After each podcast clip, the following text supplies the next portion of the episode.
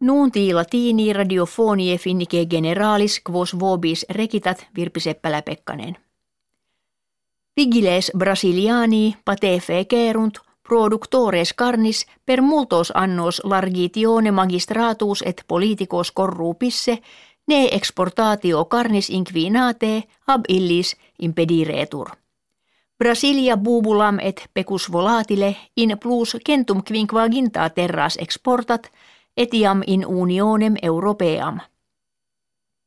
Presidens Brasilie Michel Temer affirmavit scandalum tantum ad minimum partem exportationis carnium pertinere. De abusu quidem unum et viginti instituta suspici sed ex his tantum sex carnes his sexaginta diebus exportavisse. Preterea ex undecim milibus inspectorum non plures quam triginta tres esse – quide crimine inquirerentur. Presidens temer affirmavit se qualitati carnis brasiliane confidere. Inundationes perniciose quibus dimidia pars peruvie laborat ad hoc duas per septimanas durature esse existimantur. Causa calamitatis est insolita temperatura superficiei oceani pacifici, kve partim sex gradus ascendit. Simile fenomenon centum fere annis ante visum est.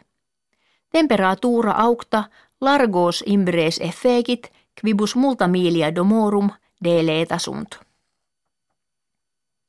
Paapa Franciscus dixit separatum esse de maritis ad sacerdotium probandis de liberare. Unais causis est, quod in ecclesia catholica sacerdotes deficiunt.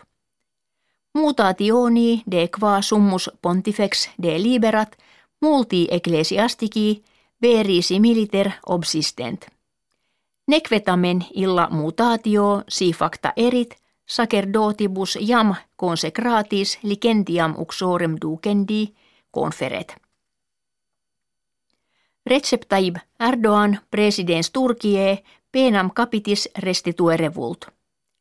Die sabbati dixit se expectaturum esse, ut post plebis skitum die sexto decimo mensis aprilis futurum, parlamento turcorum restitutio capitis pene placeret. Turki enim proximo mense de nova lege fundamentali suffragabuntur, qua potestas presidentis augetur. Erdogan addidit se illi legi sine ulla dubitatione subscripturum esse. Anno bismillesimo quarto Turkia pena capitis abstitit. Commissio Europea iterum iterumque Turkiam hortata est ne penam capitis restitueret. Si id factum esset consultationes de Turkia in unionem europeam asciscenda finitum iri.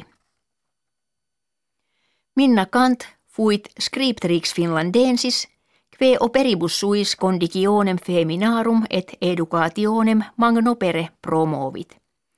Dies eius natalis, unde vigesimus mensis martii, dies e qualitatis nominatur – et vexillis expositis commemoratur, quem honorem ad hoc illa sola ex feminis finlandensibus accepit. In operibus eius excellunt decem fabule scenike. In illis vitam pauperum et precipue feminarum describere voluit.